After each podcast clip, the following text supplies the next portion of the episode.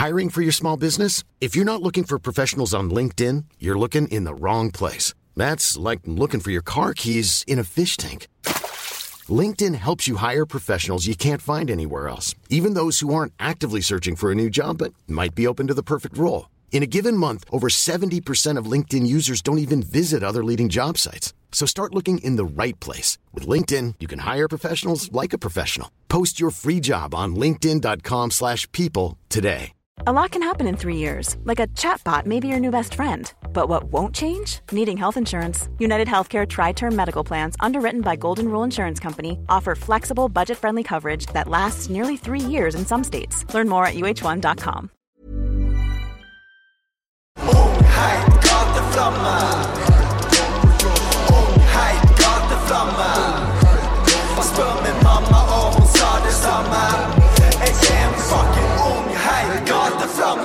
Tenker du på det når du lager musikk?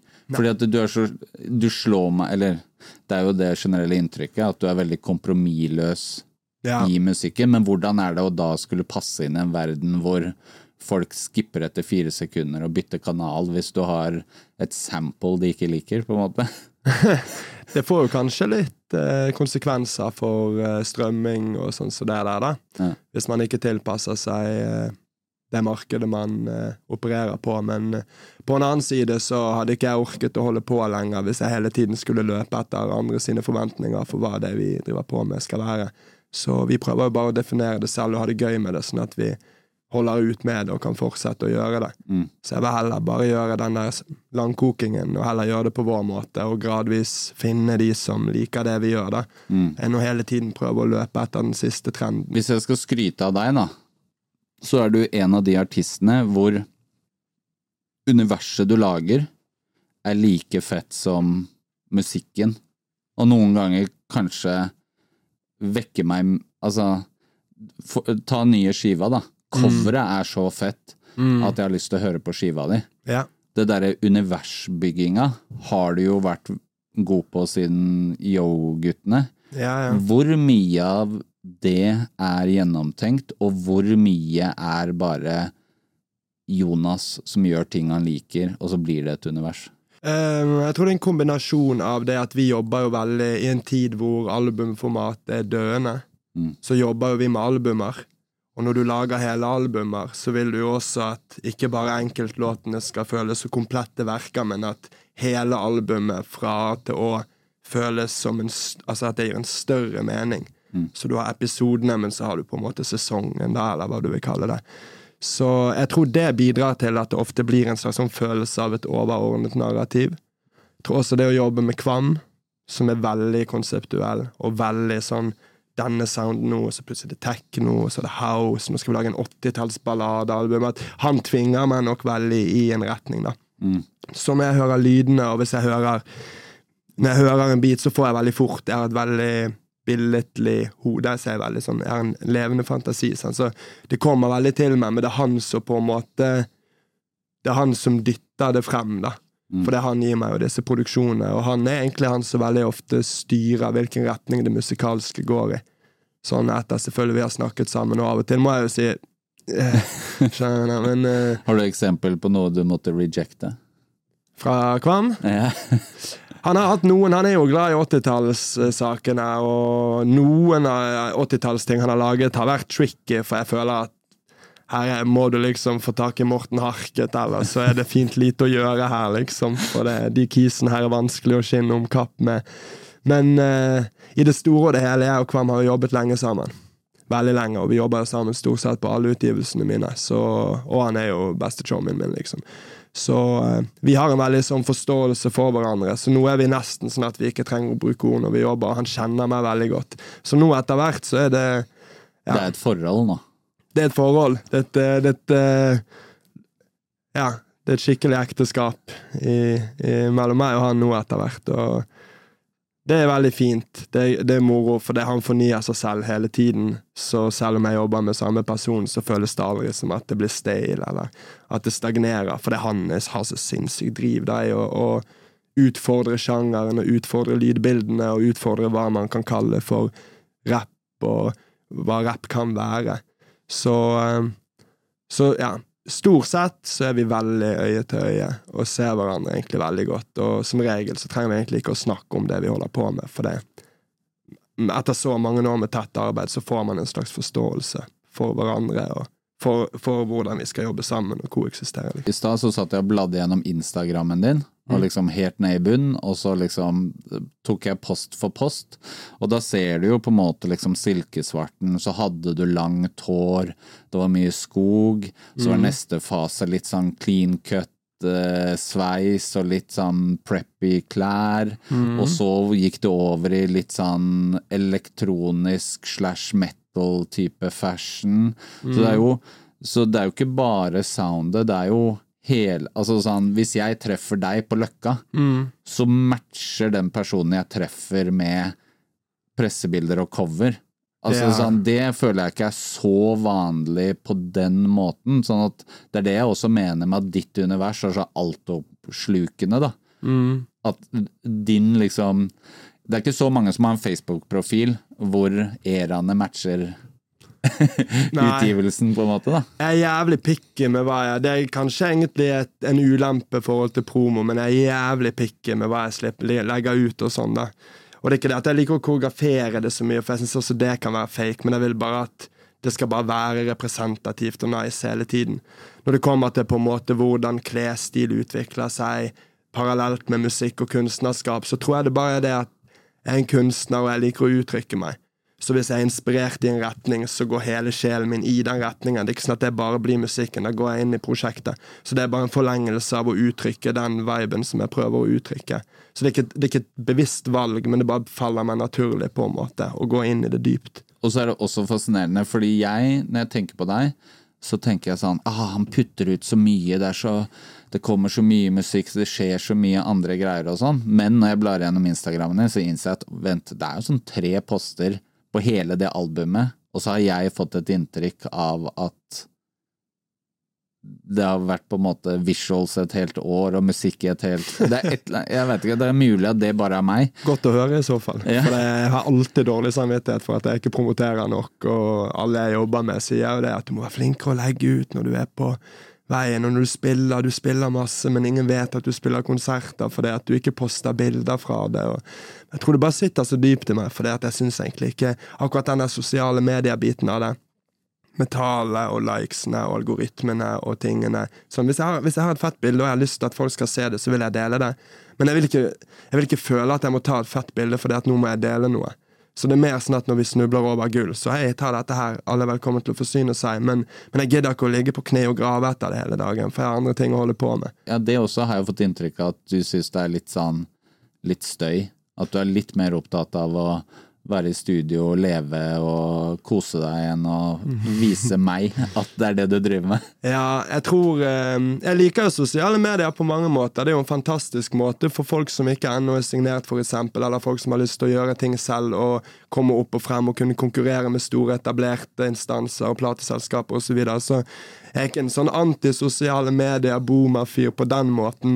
Det bare gir ikke meg så veldig mye personlig å drive på med det. Så jeg har ikke lyst til å gjøre det selv så veldig mye. Men jeg har ikke et sånt, det er ikke sånn at jeg liksom er høylytt mot sosiale medier og alt det der. og kids har jeg fortapt, og hele den der profilen der. Jeg har ikke den.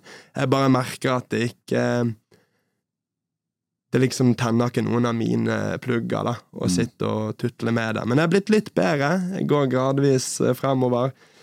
Nå, eh, får jeg liksom folk til å ta litt bilder, og, og det sitter dypt, sant, men eh, det er bare en av de tingene du kanskje må gjøre hvis du har lyst til at folk skal finne frem til musikken. Men hvor er det det liksom stopper hen, da? Når du sier det sitter dypt, hva er liksom Jeg tror det stopper der hvor at hvis jeg ikke har noe jeg føler er verdt å poste, så kommer ikke til å poste. Og hvis ikke jeg føler at jeg har lyst til å poste eller har behov for den der. For jeg føler veldig mye av grunnen til at man poster, er jo ah, selvfølgelig å trekke oppmerksomhet til prosjektet, men så er det også en sånn fin måte å få bekreftelse på at man fremdeles har noe gående. Alle vet jo hvordan det er å poste en ting, og så går du inn og så sjekker du om folk liker det du legger ut, og så får du jo alltid noen hyggelige kommentarer. Så det er en sånn kilde kanskje til en liten sånn selvtillitsboost. sant? Men er det det at du ikke har behov for den bekreftelsen? Jeg tror alle har behov for bekreftelse av og til, og det å få høre fra andre at de gjør noe riktig. Jeg, bare, jeg tror det bare er det at ikke akkurat det aspektet ved det faller meg naturlig. Noen er jo kjempeflinke. Noen er jo veldig flinke foran et kamera, for eksempel. Ikke sant? Noen, er vel, noen faller, Har du merket noen når de får linsen på seg, de krymper seg helt inn i seg selv? Altså, blir awkward? 98, 98% av nordmenn. Ja, jeg er nok en av de 98 prosentene, Ja, ja. sånn egentlig. Nå har jeg gjort det en stund, så jeg liksom har på en måte øvd meg opp i å gå mot instinktene mine, prøve å åpne opp, slappe av. Men jeg tror det, det er nok mest det, da, at uh, Ja, det bare ikke Jeg har ikke noe imot det. Jeg er bare egentlig litt likegyldig til det, på en måte. Ja. Det bare er, det er atter en ting. For jeg føler også at veldig mange artister som er dårlige på sosiale medier, er jo de som kanskje er litt lite kreative. Altså at de emulerer noe som allerede fins, eller at de det er ikke nødvendigvis en god idé. Ikke sant? Skal prøve å være morsom, det er ikke så morsom. Skal være kreativ, men det er ikke så kreativt. Eh, og det her er uh, Marius og skryter av Jonas-podkasten, fordi du Det slår meg at du kunne ha skrevet bøker, du kunne ha lagd tegneserier, du kunne ha vært skuespiller, du kunne ha skrevet Altså sånn Bare det universet på nyalbumet Stjernekriger er jo det er jo et helt univers, og et lydbilde og måten du rapper på, alt sånn får jo meg, som da er født i 85, til å plutselig være tilbake og se på He-Man og de seriene jeg jeg vokste opp med. Og så, når du er så kreativ, så slår det meg at du du er en fyr jeg hadde likt å se på TikTok utfolde seg kreativt og lage bra innhold. Men det tar tid, og, og så er det også noe med det der sånn jeg, jeg respekterer veldig Folk tror at liksom det der å være influenser eller være stor på sosiale medier er så jævlig lett. Men det er, jo en, det er jo en heltidsjobb, og det Ja. krever veldig mye, og du må ha så jævlig teft. Jeg tror unge mennesker i dag, siden de fra så ung alder ble eksponert for så mange folk som skal være noe, og alle skal være noe selv, at, de blir, at ungdom i dag ser så sykt fort gjennom ting som er påtatt eller falskt. De har en helt annen radar enn vi hadde. Sant? Når vi så videoer på MTV når vi var kids. Vi trodde på alt. Du, det var som om det bare fantes en sånn parallell drømmeverden hvor alt kunne skje. Sant? Mens nå i dag så har alle tilgang på filterne. Alle kan, alle kan gjøre alt det med seg selv, så man skjønner hva det er. Så ja, meg på TikTok, jeg føler jeg hadde bare blitt liksom Boomer Ja, de hadde fucket meg helt opp, tror jeg. Altså. Sånn, og det er jeg helt cool med. Men det er funny det der du sier at liksom Kvam har vært så stor del av kreativiteten. Fordi når jeg hadde spørrerunde på Instagram, så, uh, så til Kasper K777 som spør uh, hvordan er det å være den mest kreative rapperen i Norge. Og jeg tror at veldig mange tillegger deg det meste av det dere gjør sammen i form av kreativiteten og når jeg ser på en måte det coveret med deg og den hun eh, jenta hvor du ser den derre strengen og sånn, så tenker jeg sånn Jeg føler jo at jeg tillegger deg nesten bildet, eh, universet, soundworket, alt, da. Ja. Det er nok eh, litt unfair, men jeg føler det generelt i Norge i dag er et problem for produsenter. At folk ikke fokuserer nok på produsenter, og produsenter får ikke nok shine. Og folk skjønner ikke at på en bra rapplåt så er produsenten 70 av det. Rapperen er nesten bare atter et instrument eh, i prosjektet, på en måte. Og eh, Produsenter er også ofte litt mindre PR-kåte enn rappere. Sant? Ja, det er ikke så lett å få Kvam til å stille på kamera. Nei, ikke sant. Og, eh, og det er jo nettopp det. da sånn, Han er jo sånn, han driter i det. Han, han vil ikke at jeg skal legge ut bilder av ham på Insta. Altså, ikke fordi han er bekymret, han bare Han har ikke en interesse for den greien. da Han er skikkelig sånn, han vil lage musikk og henge, ha det gøy. Og han, har, han er ikke så interessert i på en måte det der å bli gjenkjent eller være kisen og alt det der. Den greien der, da. Så han stikker kanskje ikke nesen ut.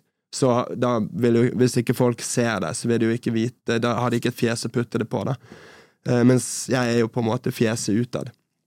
Men den nakne sannheten prosessmessig, kreativt messig, det er at jeg og Erlend vi er 50-50 absolutt alt. Og jeg har ikke noe mer innflytelse på enderesultatet enn det han har. Vi bare utfører hver vår del av, eh, av arbeidet, og så setter vi det sammen, men det er alltid 50-50. Det er alltid litt sånn sexy å ha den plakaten sånn den turnéplakaten. Jeg føler det, er sånn, det. er sånn eh, Det er en del sånn hallmarks for det å være rapper. Det der å kunne legge ut den plakaten, men å spille i alle de byene, det er litt eh, Det er litt sexy. Ja, det ser, jeg skal ikke lyve og si at vi ikke var happy med Happy med å liksom kunne putte ut litt sånn fine steder og kule byer og ha litt flere ting linet opp. Da. Og du merker jo at det genererer jo interesse på en annen måte også, for det, hvis folk tror du er major, så får de et større behov for å se deg. Og hvis folk tror du gjør det bra, så har de lyst til å få med seg hypen, og det ser bra ut sant, å være på turné. Hvis det er én konsert i året, så er det for sånn, «Å, men han har tydeligvis ikke så mye greier gående. Så hvorfor skal vi gidde å gi det tid? Det er så frustrerende å forholde seg til at det er sånn mennesker funker. Jeg, altså, jeg forstår at det er sånn, Ja. men det er veldig liksom At folk ikke selv bare Ja, men jeg liker dette, så derfor går jeg og sjekker det ut. At folk er så avhengig av å ha den Ja, men alle jeg kjenner, liker det. Så da er det fett å like det, og da går vi og ser på det. det er, ja. Ja, men det er jo hypen, da. Ja. Det er jo sånn det er. Men hvordan har den turneen her vært eh, så langt? Du har. Kanonbra. Ja. Vi har bare hatt to stopp eh, hittil, så vi var i Bergen på fredag nå, og det var helt Jeg har ikke spilt en sånn Jeg har spilt litt festivaler og sånn greier. Bergen var ute på halvøyen og sånn, men dette er første gang på veldig lenge jeg har gjort mitt eget, liksom. Linni arrangerer det selv, ba, ba, ba, på kultur, Kulturhuset i Bergen, og det er kanongøy. Jeg ble helt sånn rørt, liksom. Jeg har ikke vært hjemme på byen på kjempelenge, og det kom så jævlig mye folk ut og støttet, og det var bare sånn helt hæla i taket. Og det er liksom hjem igjen, sant. Jeg bodde i Oslo lenge, så det å få den, det var sånn Det var, en, det var et veldig sånn viktig øyeblikk for meg, og jeg, jeg, gikk, jeg, gikk hjem helt sånn overstimulert. Og var bare helt sånn der Faen, hva skal, vi ta det herfra, liksom? Men det er jo motiverende for å keep on going, da. Det er jo ikke Det er litt hardships å drive Ja, ja. for seg selv og lage musikk og skulle leve av det. Ja, og det er hardship uansett. Alle som står på en scene eller eksponerer seg selv og blir på en måte sitt eget produkt, det, de krever så sinnssykt mye mer enn bare å lage tingen. Det krever at folk kommer opp til deg med forventninger om hvem du skal være, og du putter deg selv i en situasjon hvor det er helt ok å bare mene ting om deg høylytt. Det er en helt annen, sånn at Du bærer denne greien med at du skal være litt tingen hele tiden, og folk kommer opp og skal liksom komme Noen skal sjekke deg, og noen, skal, noen er helt overgiret, sånn, som også kan være en rar situasjon å befinne seg i når du står der og fucking spiser en skive med brunost og kuler og venter på bussen, liksom, og så kommer en fyr og skal liksom bare forklare deg hvordan du bare er, og bare boom, sant. Det er en fucking ting å ta. Og folk som håndterer den oppmerksomheten bra, håndterer det å være i senteret uten å bli påvirket av det i altfor høy grad. Det er alle som gjør det, det tar jeg av meg hatten for, liksom. Ja. For det, det er en slitsom greie. Og, og en vakker greie, og en fin greie. Men i Bergen føles det så ren batterilading. Det var helt sånn. Så stakk vi ned på rommet som er en nyåpnet bar, og så spilte vi Vi skal gi ut en tape med Anglo Reira og meg, er jo ut et eh, prosjekt nå, eh, om ikke så veldig lenge. Spilte vi det etterpå, og det var kanongøy første gang vi har spilt det. Bergen var Jeg, jeg, jeg sitter og tenker tilbake på det når jeg merker jeg blir litt sånn der, for det var bare sånn Det var viktig, skikkelig viktig for meg, og så gikk det skikkelig bra. Aldri vært så liksom, Det var så mye følelser før, og jeg var så nervøs. Og jeg pleier ikke å være så nervøs nå lenger, for vi har gjort det lenge. Det var et eller annet med den kvelden. Jeg, bare, jeg brydde meg så jævlig om den. Og så var det kanongøy. Jeg merker bare med å høre på den nye skiva, Mm. hvor viktig Bergen er for deg som person.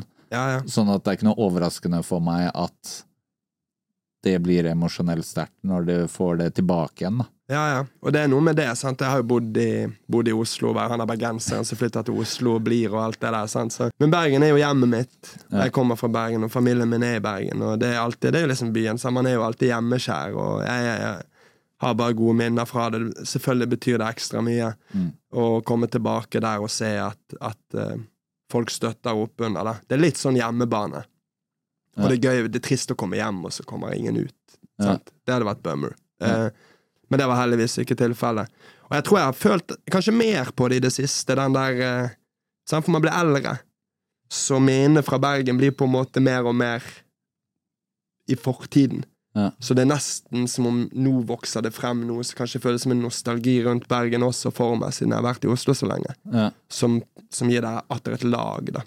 At jeg har den plassen i hjertet mitt nå. Ja. Så kanskje ikke hadde vært der på samme måten hvis jeg hadde bodd der For hvor gammel er du nå? 33. Ja, ikke sant? Da er du i den alderen hvor man begynner med sånn Man begynner å høre på den musikken man hørte på når man er yngre. Man begynner Det, det er den nostalgialderen også. Ja, jeg prøver å ikke.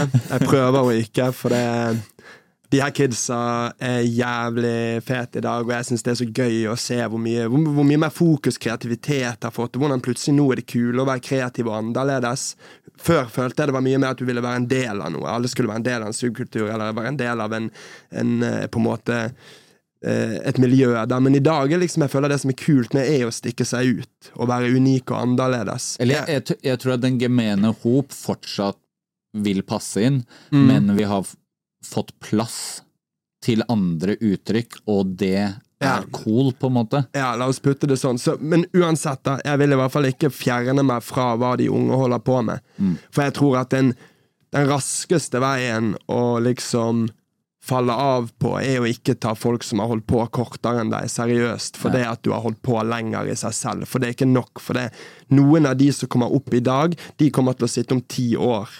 Og har holdt på i ti år og har drept det hele veien. Ja. Jeg tenkte det når jeg, var og så Corday eh, på Vulkan på fredag, og Tyr varmer opp. Og når han liksom fremfører den 21, eh, 21, 21 Savage 21 Savage, ja. Og så bare Og så jeg tenkte jeg sånn Bro, jeg har kjent han i syv år. Han er 21 år. Mm, Altså, han har syv år erfaring, og Ikke han er sant? 21 år. Og så begynte jeg å tenke på meg selv. 21 år, hva faen visste jeg da? Hva er det jeg holdt på med da, Jeg liksom? bare sauset rundt Ja. motivet, Og altså? det også stresser meg litt, at de liksom De får mindre og mindre den der prosessen som vi måtte gå igjennom med å liksom bare finne ut av hvordan man gjør ting. Nå Mm. er det liksom De kan være liksom fet fra start av. Ja, Så det bare er en eller annen sånn derre Jeg føler nesten at 21-åring kan gå head to head med en 31-åring fordi de har liksom skippa den starten, da. Så man kan liksom være equal uavhengig av alder, på en eller annen måte. Ja, og så er det noe med at vi har jo på en måte gått gjennom et paradigmeskifte. Vi, som, er- vi er jo midt i denne kryssgenerasjonen mellom på en måte før og etter internettingen og sånn. Så mye av de reglene vi lærte oss når vi vokste opp frem til vi var 18 og sånn, de er jo ut vinduet og teller ikke mer. Så det er jo nesten så vi er de yngste, ikke sant. For det er alt det der greiene vi har drevet på muskelært, det er jo helt uaktuelt i dag, for det er en helt annen verden. Fra- Syns du det er lett å bare slippe Jeg syns det er lett nå fordi at jeg har gitt slipp. Ja. Og når man, gir en, når, man, når man embracer at det er det det er, og skjønner at man ikke kan force noe, og skjønner at man ikke er viktigere enn det man gjør, Litt og sånn den man er egodøden? Egodøden. Ja. Ikke i den forstand at ikke jeg håper at ting går bra, og at jeg ikke blir lei meg hvis ting går til helvete, men men, men eh, denne ideen om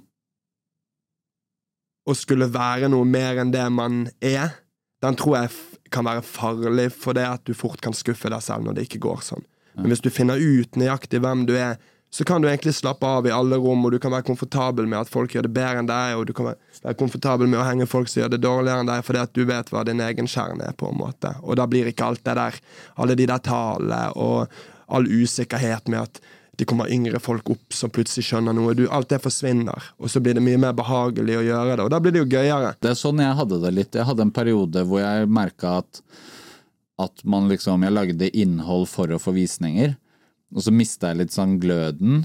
Og så begynte jeg å måle meg selv opp mot andre, og så ble den terskelen for å putte ut ting så mye høyere og høyere og høyere, og så på et tidspunkt så bare drev vi og lagde videoer, men aldri putta de ut, fordi for meg så Og den derre når jeg klarte da å connecte med at det du og jeg gjør nå, det er det jeg er god på, og det er det jeg syns er gøy, det er det som motiverer meg, så kunne jeg begynne å putte ut ting igjen, fordi da hadde jeg rett motivasjon Ja, ja. for å legge det ut, og da går det bedre. Merket du det på overskuddet ditt når du holdt på å gjøre ting du egentlig ikke likte, at du ble mer sliten av å drive på med det? Ja.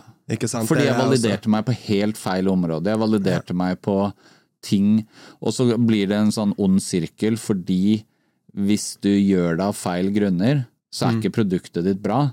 Så det er naturlig at det ikke performer bra. Og hvis Det det, du da måler det opp mot tall, Ja. så blir det bare en sånn derre Da blir du plutselig en failure fordi du på en måte hypnotiserer deg selv til å tenke Ja. at du feiler. Men det er jo det der uttrykket med at du kan ikke dømme en fisk på hvor godt den flyr, liksom. Nei. Så folk må jo finne sitt eget element før du skal evaluere om de får ting til.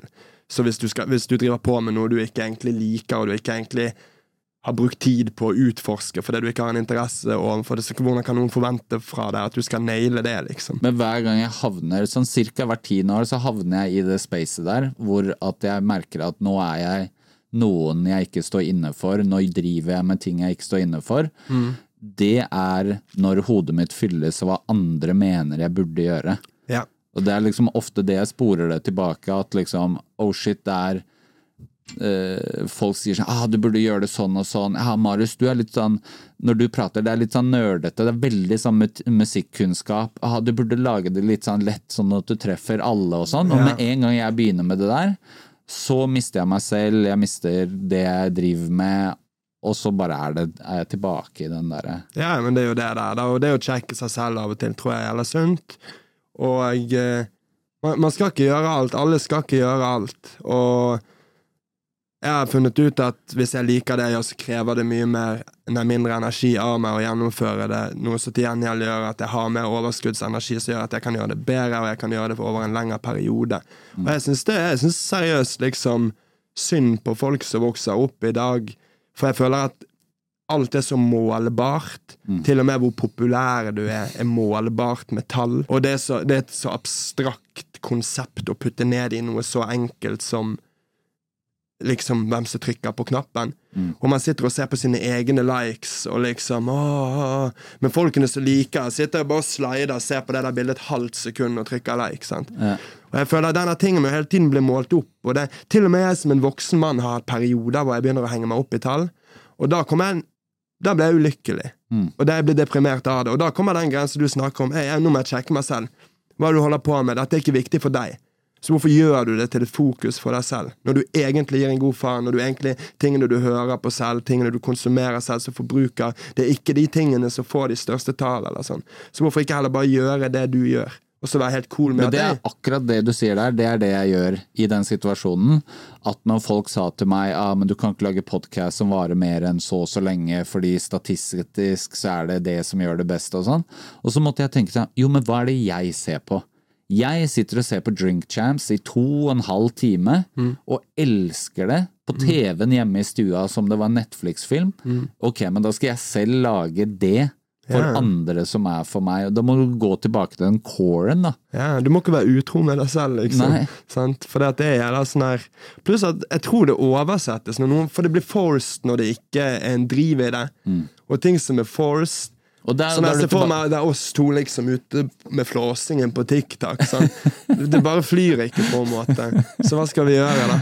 Vi må bare svelge denne pillen. At kanskje ikke det der er oss, og så må vi ta det vi skal gjøre. Og det er ikke alltid det du skal gjøre, som er det som er det enkleste å gjøre i tidsbildet. Men jeg tror at man allikevel bør prøve å gjøre det man vil gjøre. Og ikke la liksom trendene eller omgivelsene påvirke for mye. Så er det jo ofte når du får motstand, at du gjør noe som betyr noe, da. Enten for deg selv eller for det du driver med, eller at hvis det er veldig lett Det er jo ofte Det der at ting blir litt lett, det er jo ofte resultatet av at det ikke har vært lett. Litt sånn som du sier at hvis du klarer å tune inn i det du liker, så er det Da er det lett for deg. Men det er jo et resultat av at du har tatt den derre Og det har jo vært runder, vi har holdt på lenge, og det har jo vært år hvor det har vært mye tvil. Sant? Og det er mye inntrykk, og man skal liksom lære seg det litt. Sant? Og jeg, ikke, jeg begynte ikke når jeg var 15 å være ute. Det, sant? Jeg, var jo 22 eller noe sånt, så det er da vi begynte å kødde rundt med å lage musikk. Og det er en helt sånn greie å liksom manøvrere seg gjennom. Men nå har jeg holdt på lenge nok, heldigvis. da, har at liksom Jeg har gått på liksom Jeg har fått nok eh, positive greier og sånn, og liksom oppløftende eh, kommentarer og skryt, og nok kritikk, og på en måte folk som ugleser det til at jeg vet at jeg er verken det positive de sier, eller det negative de sier, for det er bare folk som snakker om noe de egentlig bare ser et fragment av. Ingen vet bedre hva det er enn meg, hvordan den kreative prosessen er enn meg, hvordan den kreative visjonen er enn meg. Så driv på å høre på det alle andre. Egentlig er det eneste du trenger å gjøre for å vite nøyaktig hva du holder på med, det er å bare stenge alt det ut og tenke deg om i to minutter. For du vet jo hva det er. Du, bare, du bare begynner å lytte for mye. sant? Men samtidig så er det den derre Jeg merker at hvis noen tar seg tid til å skrive den lange, hyggelige meldingen, eller komme bort Mom deserves the best, and there's no better place to shop for Mother's Day than Whole Foods Market. They're your destination for unbeatable savings, from premium gifts to show-stopping flowers and irresistible desserts. Start by saving 33% with Prime on all body care and candles. Then get a 15-stem bunch of tulips for just $9.99 each with Prime. Round out Mom's menu with festive rosé, irresistible berry chantilly cake, and more special treats. Come celebrate Mother's Day at Whole Foods Market. I'm Sandra, and I'm just the professional your small business was looking for. But you didn't hire me because you didn't use LinkedIn jobs. LinkedIn has professionals you can't find anywhere else, including those who aren't actively looking for a new job but might be open to the perfect role, like me. In a given month, over 70% of LinkedIn users don't visit other leading job sites. So if you're not looking on LinkedIn, you'll miss out on great candidates like Sandra. Start hiring professionals like a professional. Post your free job on linkedin.com/people slash people today. Since 2013, Bombas has donated over 100 million socks, underwear, and t-shirts to those facing homelessness. If we counted those on air, this ad would last over 1,157 days. But if we counted the time it takes to make a donation possible, it would take just a few clicks. Because every time you make a purchase, Bombas donates an item to someone who needs it. Go to bombas.com slash ACAST and use code ACAST for 20% off your first purchase. That's bombas.com slash ACAST, code ACAST.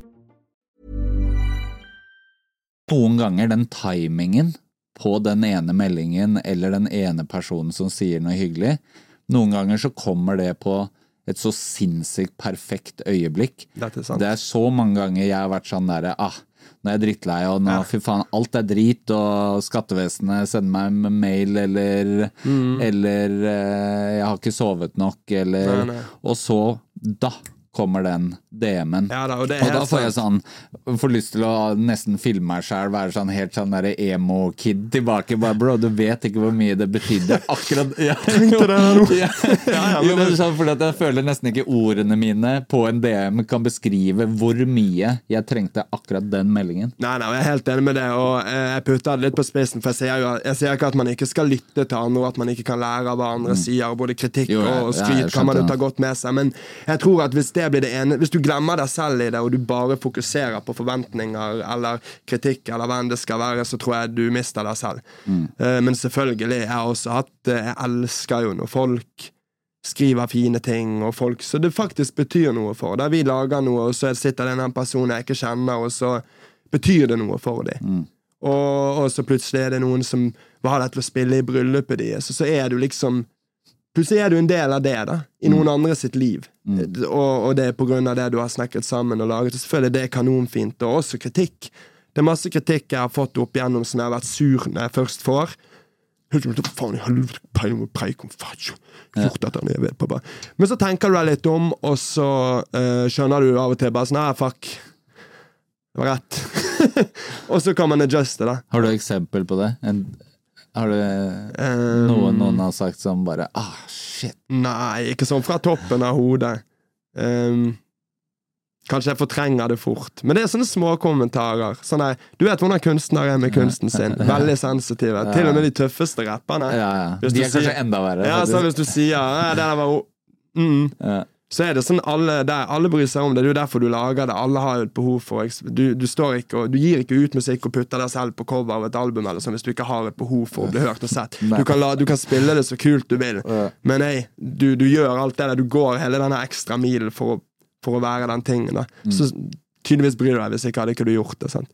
Så det er vel bare den sensitiviteten, så til og med en liten kommentar kan få skikkelig ballast. Du vet sånn, du leser 100 positive kommentarer. Ja, så er det den ene. Så det er en fyr Ja, som bare sånn den. wack, Og så bare sånn faen, faen, Jævla eh, Spaghetti Boy 69. Jeg skal faen finne her ute, liksom. Men det merker jeg, der er det sånn Det er funny for meg, så, sånn fra gammelt av, som har vært veldig sånn Hvis du sier noe, så skal jeg liksom ta deg, eller oppsøke deg, eller komme fra den.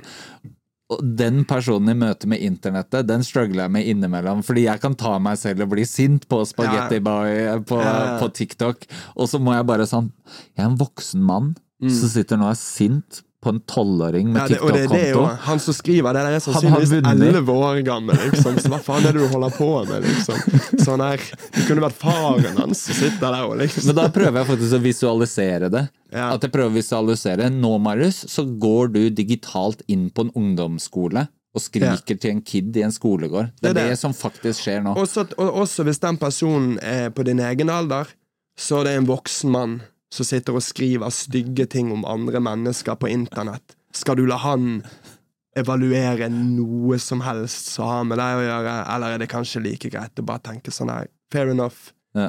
Alle har rett Da må jeg bare mening. tenke han er en sånn random fyr på trikken som bare melder et eller annet. Ja, ja, men se for deg liksom om det var deg da som satt og liksom freste på tastaturet. Jeg er litt sånn Jeg syns masse om ting. Jeg har masse formeninger om musikk, masse formeninger om hvordan folk skal være, masse formeninger om alt mulig. Har levd en stund og har bygget opp et moralkompass og et verdikompass. Men det er mitt å ha, og jeg skjønner også at det er ikke min jobb å løpe rundt her og skulle fortelle folk hvor skapet skal stå, for det, er på en måte en indikasjon på at jeg sitter på en jævla universell sannhet, og det tenker jeg, hvis du tenker det om deg selv og dine egne meninger, da bør du få fingeren ut av ræven. Liksom. Må du, å- du må begynne å tenke deg litt om, kanskje, for det at all, alle tror jo de har rett. Ikke, du sier jo ikke noe du tror er feil. Så det er jo bare din mening. Ja. Så ja. Enten så herper du opp en eh, elleveåring, eller så synker du eh, ned på nivået til en jævla løk 33-åring. Og ingen av de to deler tror jeg har så mye å vinne på. Så. Jeg liker at vi begge også omtaler alle disse menneskene som en han. Det er også en en slags rød tråd her. Ja, men jeg tror, eh, jeg tror 85% av folk som kommenterer på deres poster, er vel Ja, dere, det, det dere tror jeg, en, jeg tror jeg eh, er mye sinte mm, gutter slash menn. Ja. Men nå er du jo ute med Det her er jo ditt Da er det åttende soloprosjekt. Er det, Ja. Blir det riktig å si? Jeg tror det, hvis du regner med Eller vi har jo neste planet, som er da meg og Erlend. Ja. Men eh, det, det blir jo som et soloprosjekt på vokal, for jeg er det. Men, ja. Så det er jo den samme dynamikken som jeg jobber med linjeprosjekter og andre produsenter og sånn. Men jeg har vel skal vi se, de der tre, og så har vi den, og så har vi denne her nå. Og så har vi vel tre. Ja, det er vel åtte vi er oppe i nå, kanskje. I starten av karrieren din så er det liksom vanskelig å telle. Ja? Da, må det- du, da må du definere veldig album, men i hvert fall, poenget mitt var i hvert fall Du har jo sluppet ganske jevnt med musikk. Mm. Nesten en sånn eh, Nesten en, en gitt eh, hyppighet. Mm. Har det liksom vært veldig bevisst? Jeg har ikke en tålmodighet til å sitte med en låt. Mange, og jeg ære være de som gjør det, men noen jobber jo med en låt i eh, et år. Og teaser den et halvt år og gjør alt det der, og har den innfallsvinkelen, sånn, så slipper de en singel, og så gjør den singelen gjør mer for karrieren deres enn sikkert tre av mine album hadde gjort. sant? Ja. Men eh, jeg vet ikke, jeg bare liker så godt å gjøre albumformater, jeg liker å få ting ut fort. Og jeg føler at jeg klarer å være mest ærlig når jeg ikke analyserer for mye hva jeg lager. Hvor jeg nesten lager det og slipper det ut, og så etterpå kan jeg evaluere hva det, det er for noe. For da kan jeg på en måte se på meg selv litt fra et objektivt sted. Men hvis alt, for meg i hvert fall, blir kalkulert ned i detaljene, så blir det fort en litt sånn glansbildeversjon. Mm. For da kan du kontrollere mer hvordan det ender opp. ikke sant? Men samtidig så har du en hyppighet som hvis jeg skulle gitt et råd til en artist, Mm. så hadde det vært å ha den hyppigheten. Det er bare kanskje mer det at det er ikke sånn når du slipper en skive, så begynner du å tease neste skive et år. Det er mer sjokkdropp på, På på en hyppighet, liksom. Ja. Eh, det er mange, jeg, jeg hører mye forskjellig om det der. Mange liksom har OGs når de sånn- jeg liksom har preiket med, som har holdt på lenge, og sånn. Det er veldig sånn ja, Du må time, og alt er timing, og du må ta deg tid. Og hvis du overeksponerer deg selv, så virker det ikke Da er det på en måte ikke spennende lenger, for det sant? Hvis folk ikke rekker å høre igjennom Du husker når Gucci slapp sånn 40 album i måneden, eller noe sånt? Ja, du, du jo, men du er jo litt fra den der Little B Gucci main skolen da. Veldig. Så det er det som er rart. For vi begynte jo med veldig sånn trad. Det var mye, før, vi har alltid hatt høy utgivelsesfrekvens. Uh, til og med tilbake med yoghurten i dagen, og sånn, så det så ga vi ut hele tiden.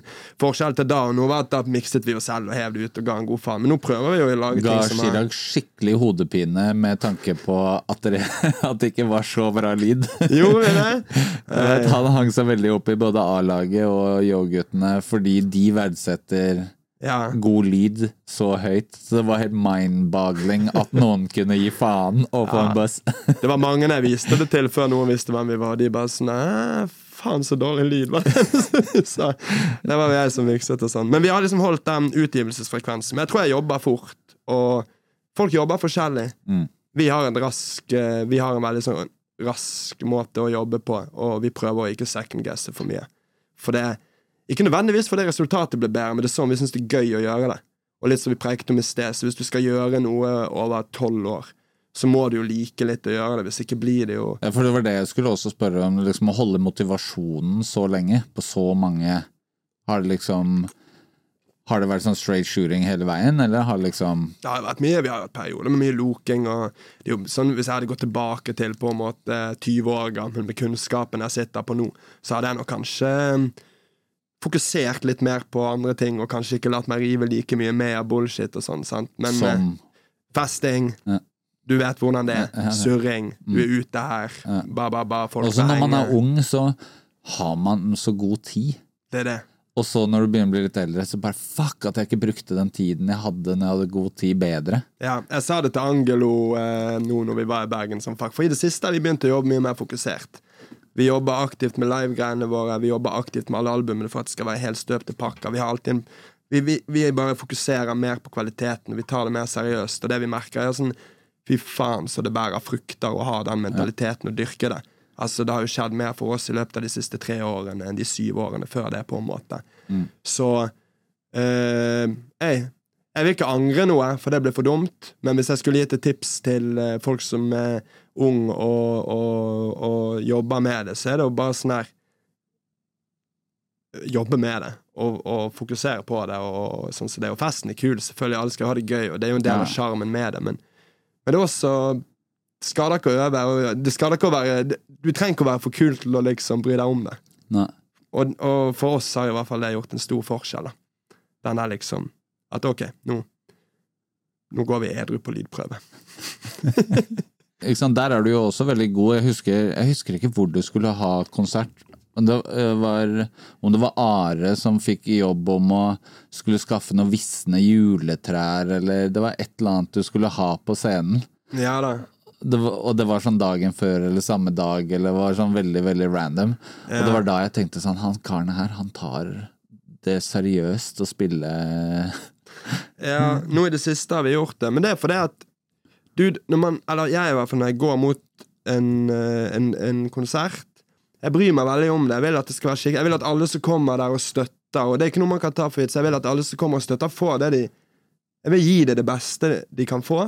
Jeg har lyst til at de skal gå hjem og digge det. Og jeg vet at når jeg tar flyet hjem, sånn som nå når jeg stikker hjem på søndagen, så er det så jævlig mye deiligere å bare ha gjort det ordentlig og gjort en god jobb og sett at alle er happy og fornøyde, og at du vet at sånn, nei, faen, de folkene som lar meg holde på med dette, som er de som betaler, kommer ut og ser at de, at de får igjen, og at de kanskje kommer neste gang. Og det, da, det kan jeg leve på i to måneder hvis jeg gjennomfører denne turneen med det samme standarden over hele linjen. Så er det, er det tre lykkelige måneder for meg fremover. Hvis jeg driter meg ut, så blir det en kilde til frustrasjon. sant? Så det er litt sånn å investere i sin egen lykke også. Ta ting seriøst og gjøre det ordentlig. Og så kommer jo folk tilbake da hvis de har en god opplevelse. Ikke minst. Altså, da blir det jo flere og flere for hver gang det er man som jeg merker på meg selv. sant? Jeg er jo en stor hiphop-nerd selv, og sånn så det der. Og sånn de som leverer, det er jo de du har lyst til å Men hvilke er, hvilke er det som inspirerer deg, både musikalsk og kanskje aller mest uh, univers-wise og live? Jeg tror jeg blir mer inspirert av ting som ikke er rapp, enn av ting som er rapp. Jeg hører jævlig mye på rapp, men rappen jeg hører på, er jo det stikk motsatte av rappen jeg lager. Jeg hører jo bare på ignorant sørstatsrapp, basically, og, og Detroit-rapp og Michigan-rapp, og jeg vil ikke jeg vil ha one-liners og puns og snubleflows og bare den greien der, mens vi lager jo egentlig det stikk motsatte. Så det er veldig mange som tror Men at det er veldig, veldig funny, sånn- fordi det har du, uh, B-Boy Myhre, Cezinando Ja, ja. Jeg kan komme på mange som liksom rater som kanskje litt mer conscious, artsy, veldig sånn Mm. ja. Rappere hører på ting som er helt mind-numbing type. Og det er jo det jeg hører på sjæl òg. Og jeg syns jo ofte at det er noe med sånn det geniale med å greie å gjøre en enkel idé og gjøre den på repeat i tre minutter, og den er like gøy å høre på det tredje minuttet som det første. Det er noe genialt med det også, ikke sant? Så for det er veldig mange som tror at jeg er sånn der, å, Kendrick Lamar-fyr, men jeg er ikke det. det jeg, jeg driter i det. Sånn her, jeg, jeg vil egentlig bare høre på slappers og bangers, og det er det, er det liksom. Da må jeg bare ta ene spørsmålet jeg fikk på, på Instagram. En som het Hva han kalte seg? Peter Storksson. Han spurte middag med Gucci Mane eller en halv million på konto. En halv million på konto? Hva i alle dager? Skal jeg sånn her sitte med en helt uinteressert Gucci? Vi hadde ikke blitt bestis etter meg, så det hadde sikkert bare blitt liksom. Eller hvis du kunne eh, Hva hvis du hadde fått um, tilstedeværende interessert Gucci Mane i en, i en hel kveld? Mm, det er noe annet. Men eh, nei, fuck det. En halv million på konto, Ja. baby. Er du Ja, så tenkte jeg det at Ah, nei, nei, nei. Eh, Hvis det hadde vært lavere, så hadde jeg gått med. Jeg kunne ha ofra en del for Gucci Mane-middag, men en halv million, det var litt voldsomt. Ja, nei, han, han der bør være glad i Gucci. Han, så det, det, og jeg, jeg elsker Gucci, men uh, en halv million høres helt ålreit ut akkurat nå, altså. Brekk ned litt sånn deg og Kwami som går sammen og, og ender opp med å lage dette albumet. Hva, hvem, hvorfor? Kanskje spesielt mye på dette albumet her, så har Kvam hatt en kanskje enda sterkere tilstedeværelse enn det han pleier å ha, av at han alltid har hatt lyst til å lage det der 80-tallsalbumet.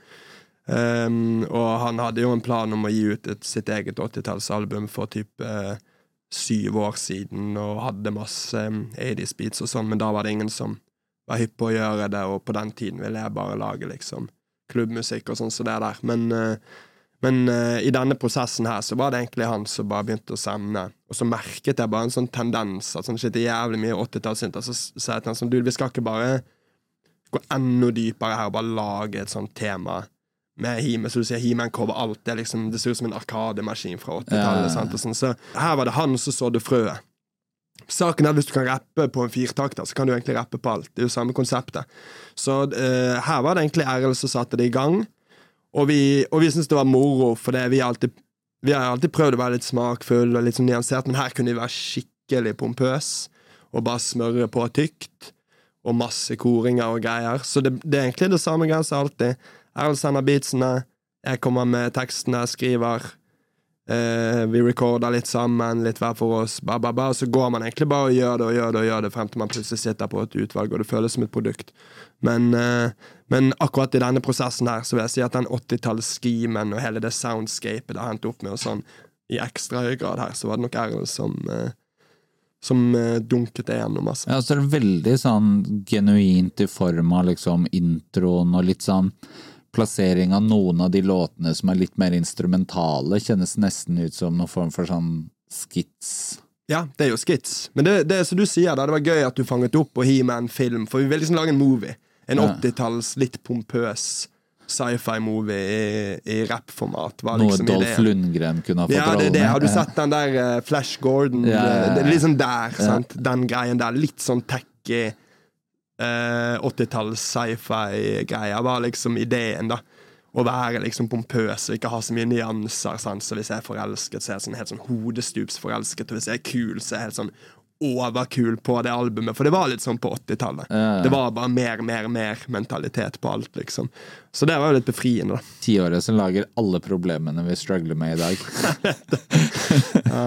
alle liksom miljøspørsmål eller politikkspørsmål er liksom Det er Sånn. rota i Jeg husker ikke hvem som sier det, men det er en standup-komiker som sier at han tror at mye av liksom eh, dagens globale oppvarmingsproblemer kommer fra all hårsprayen som ble brukt på 80-tallet. 80-tallet. Ja. Men, men sånn tekstunivers, sånn når dere da bestemmer dere Fordi den røde tråden i din musikk ikke sant, er jo veldig varierende lydbilde.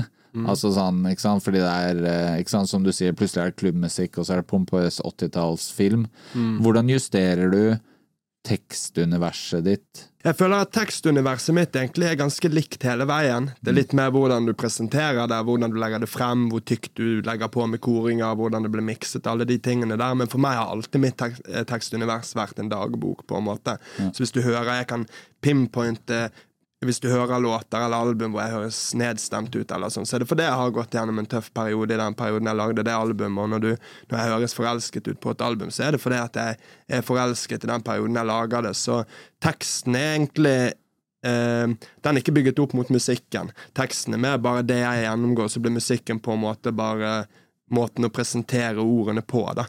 Litt sånn filteret man ser det gjennom. Men, eh, men alt jeg sier, er jo bare livet mitt, liksom. Og Ja. det vi holder på med, og det vi går gjennom, og sånn som det der. Hvem er, eh, en, hvis man kan si det, da, en typisk Linni-lytter? Det er veldig variert, spesielt i det siste. Når vi spiller nå, så er første rad det er med Det kan være en haug med Hvis det er 18 år, så er det 18 år super-hype kids med alt gearet og fucking energien og sånn, og så på bakerste rad står det en haug med sånne rufsete jazzgubber og sånn som det. Så vi har, det, har- vi reagert på ekstremt sånn bredt segment. Jeg tror vi treffer veldig mange forskjellige.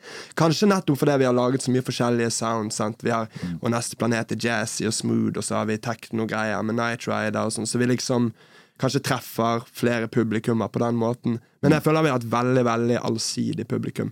Både på, på kjønn og alder og hele pakken. Stadig vekk så er jeg med en eller annen person som plutselig setter på din musikk, og så får jeg den reaksjonen 'hæ, du?' Eller sånn, fordi det spekteret i Det er ikke noe rød tråd i de mennesker. Vanligvis så kan man jo liksom Jeg vet hvem av mine venner som hører på Sisko, jeg vet hvem av de som dør for Kendrick, og jeg, liksom, Ja, ja. Men med deg så er det sånn Og da kan det plutselig være en eller annen Sitter i en bil med en eller annen preppy jente, og så plutselig bare boom, så kommer det noe Night Rider. Ja, ja. Nei, men vi har inntrykk av det. Og vi syns jo det er gøy, da, for det at eh, Kanskje det da liksom snakker til noe dypere i mennesket enn subkulturen du er en del av, eller alderen Ja, fordi, da, fordi da ble jeg nysgjerrig. Da går jeg rett i intervju av den personen som bare Ok, men hvor har du oppdaget den musikken her? Hva er det du liker med den? Og da er det flowen din. At det er en leken flow, så det er gøy, liksom. Appellerer til folk. Og så teksten. Tekstuniverset. Og da er det jo på en måte Da går man jo forbi den 80-tallssoundet. Ja. Eller Og da blir jeg så i, man kanskje har blitt sånn indoktrinert med at ja, men folk eh, de vil ha liksom dumma ned musikk, eller Jeg Ja. mener at det er for meg en sånn bekreftelse av at tekst og flow og de tingene sånn teknisk Ja. med rap faktisk er viktig. Jeg har en veldig sånn formening rundt musikk når det kommer til meg, og grunnen til at jeg hører på musikk, så er det for å liksom det er Ikke for å lære noe, på en måte, det er for enten å ha det gøy, eller til og med hvis du er litt trist, sant, så amplifier du den følelsen med å sette på noe. Men det er liksom bare en sånn Det er mer en emosjonell ting. Så, og moro. Gøy er alltid gøy, da.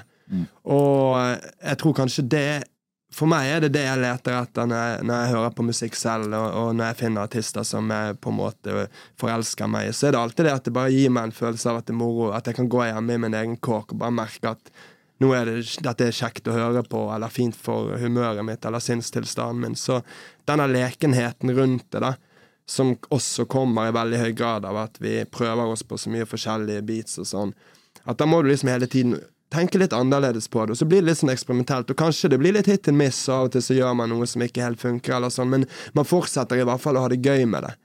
Og, og jeg tror det oversetter for lytterne. Og det, jeg, det å ha det gøy tror jeg ikke tilhører et segment. Jeg tror alle har lyst til å ha det nice. Da kommer man jo liksom litt inn i det derre å lage musikk fordi det er overskudd. At det er en sånn overskuddsgreie. Men lever du 100 av musikk nå? Nå er det Det er jo en eller annen sånn akse der å være struggling musician og klare å lage musikk som oser av overskudd hvis man er nedstemt eller blakk eller er jo, Kan jo være noen ganger vanskelig å, Ja. å yte et overskudd.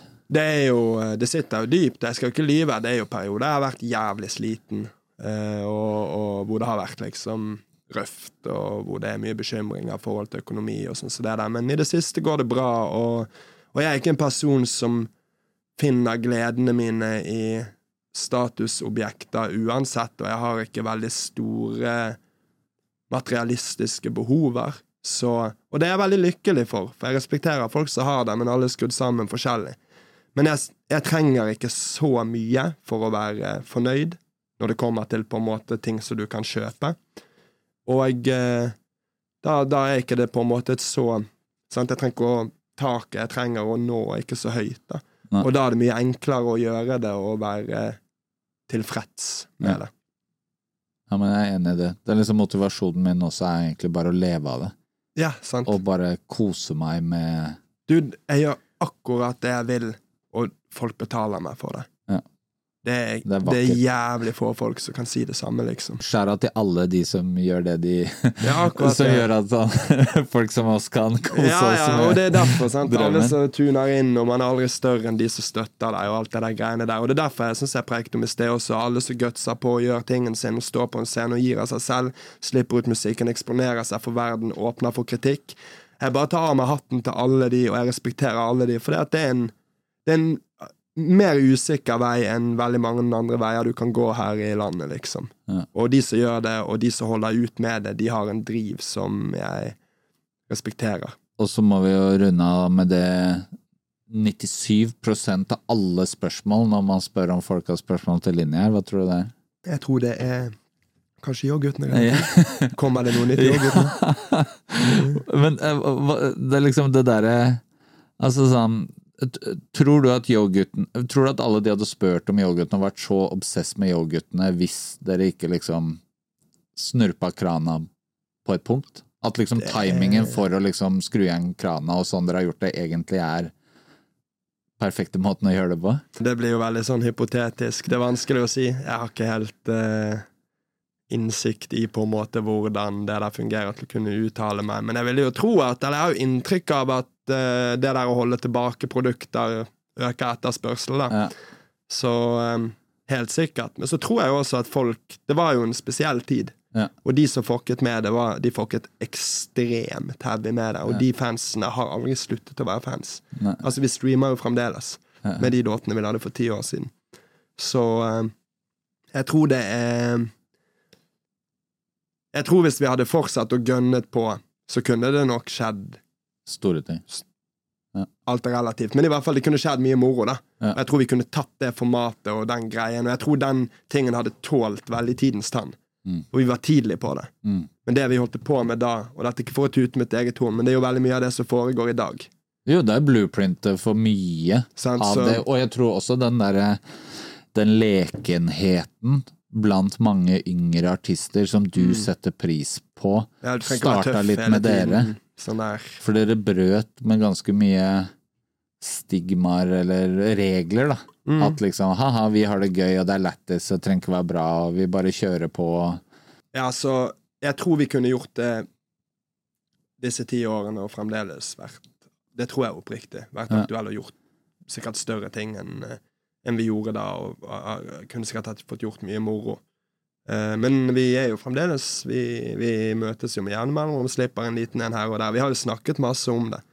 Og jeg føler litt at vi vet at den dagen vi bestemmer oss for å gjøre det, så får vi en veldig morsom helg. For jeg, jeg tror nok vi kan gjøre et par byer der hvor folk sitter og venter, og det kan bli en litt sånn spesiell greie. Men det er det jeg også føler at det er så i luften at dere kan når som helst ta en helg, Det det. og så skjer det. Og det tror jeg på en måte alle de som spør, og alle lytterne vet, Ja. i og med at dere slipper innimellom og Ja, det er jo sånn. venner. Ja, det det, så det er liksom, Ja. man skjønner at å ja, men det her er det bare Her går det nesten rent på ledig helg i kalenderen og vilje, på en måte. Ja, ja. Og så er det jo Men sånn så blir folk eldre, og folk har liv, og alt det der greiene. Og du vet hvordan det er. sånn der. Man skal planlegge noe, så plutselig så er det to år. Man, du vet hvor mye fortere tiden går etter Ja. som man begynner å liksom vokse litt opp. og sånn Så vi har jo snakket masse om det, og sånn som det men så er vi fire folk, og så er det prosent, så faller det litt fra. og sånn Men jeg tror, eh, jeg tror og håper oppriktig at det kommer en eh, liten Yoghurtene-turné og kanskje et album i ikke altfor fjern fremtid. Dette er ikke noe jeg har snakket med boys om, så dette er ikke jeg som breaker noen news, men eh, eh, jeg, jeg tror og håper at det kommer til å skje. Noen burde jo egentlig bare finne fram en, en sum med penger og gjøre klart et studio og bare make it happen. Ja, nei, Vi har jo alt det. Altså, vi har jo studio, vi har jo beatsene, produsentene. Alt det der er linet opp for oss. Og det eneste vi trenger å gjøre, det er å gjøre det. Mm. Det er ikke noe annet enn det. Vi trenger ikke noe, vi trenger noe go fra noe tredjepart her. Vi bare Men det er kanskje nettopp det at vi vet at vi kan gjøre det akkurat når vi vil, som er grunnen til at vi ikke gjør det. Fordi at det er sånn Ja, men vi kan gjøre det nå. Det er ikke så viktig å spise sjokolade hvis du alltid har sjokolade i kjøleskapet. Nei, det er det, sant, men han er med de strenge foreldrene som får én sjokolade i uken. Han Men nå beskriver du egentlig fansen deres. Ja, ja, ikke sant? ja, men det er jo det. da De har faen ikke fått sjokolade på lenge nå. Så eh, ja, Men eh, vi, ja, vi får se. Eh, Det er overhodet ikke utelukket, men jeg har ingen jeg har ikke liksom en nyhet dato, å komme med. Jeg har ikke en dato, jeg har ikke snakket med boys. altså Jeg skal ikke putte ord i munnen på noen andre enn meg selv. Nei, men Perfekt. Takk for praten.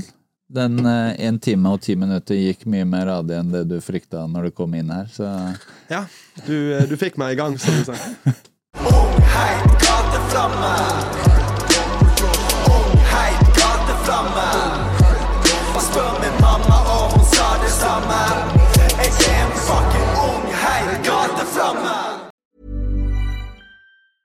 Mom deserves the best, and there's no better place to shop for Mother's Day than Whole Foods Market. They're your destination for unbeatable savings, from premium gifts to show-stopping flowers and irresistible desserts. Start by saving 33% with Prime on all body care and candles. Then get a 15-stem bunch of tulips for just $9.99 each with Prime. Round out Mom's menu with festive rosé, irresistible berry chantilly cake, and more special treats. Come celebrate Mother's Day at Whole Foods Market.